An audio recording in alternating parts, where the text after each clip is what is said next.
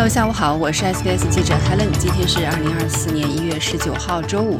本期 SBS 新闻快报的主要内容包括：总理承诺将兑现第三阶段减税计划；杨恒军被捕五年整，澳洲政界人士呼吁中国尽快释放；以色列总理反对建立巴勒斯坦国的任何可能方案。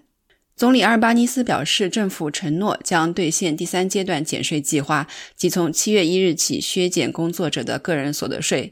此前，经济学家警告减税将对通货膨胀产生影响。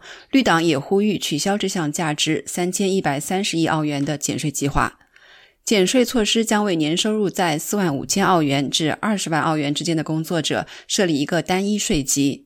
应纳税收入在四万五千澳元以上的工作者将从减税中受益，但高收入者将受益最大。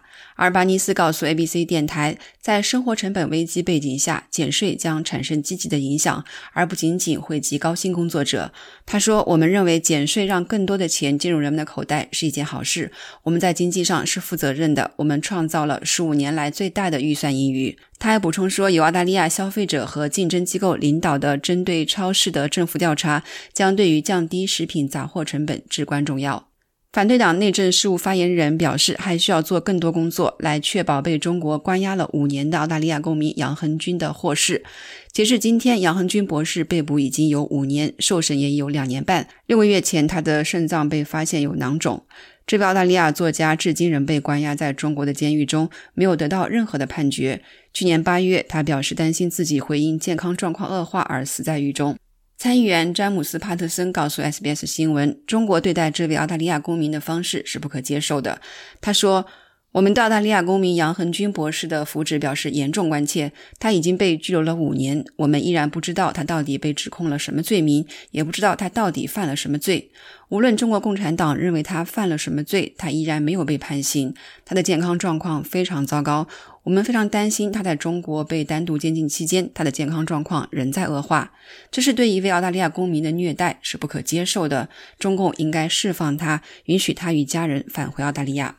以色列总理内塔尼亚胡说，他已经通知美国，他反对将建立巴勒斯坦国作为任何战后方案的一部分。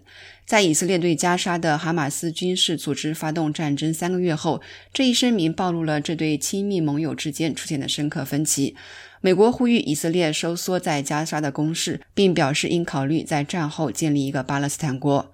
在一次全国广播的新闻发布会上，内塔尼亚胡誓言要继续进攻，直到以色列取得对哈马斯的决定性胜利。好了，感谢收听本期的 SBS 新闻快报，我是记者 Helen。欢迎您在苹果播客或 Spotify 搜索“新闻快报”，点击订阅，开启消息提醒，即可了解澳洲国内外新闻及社区信息。同时，祝您周末愉快。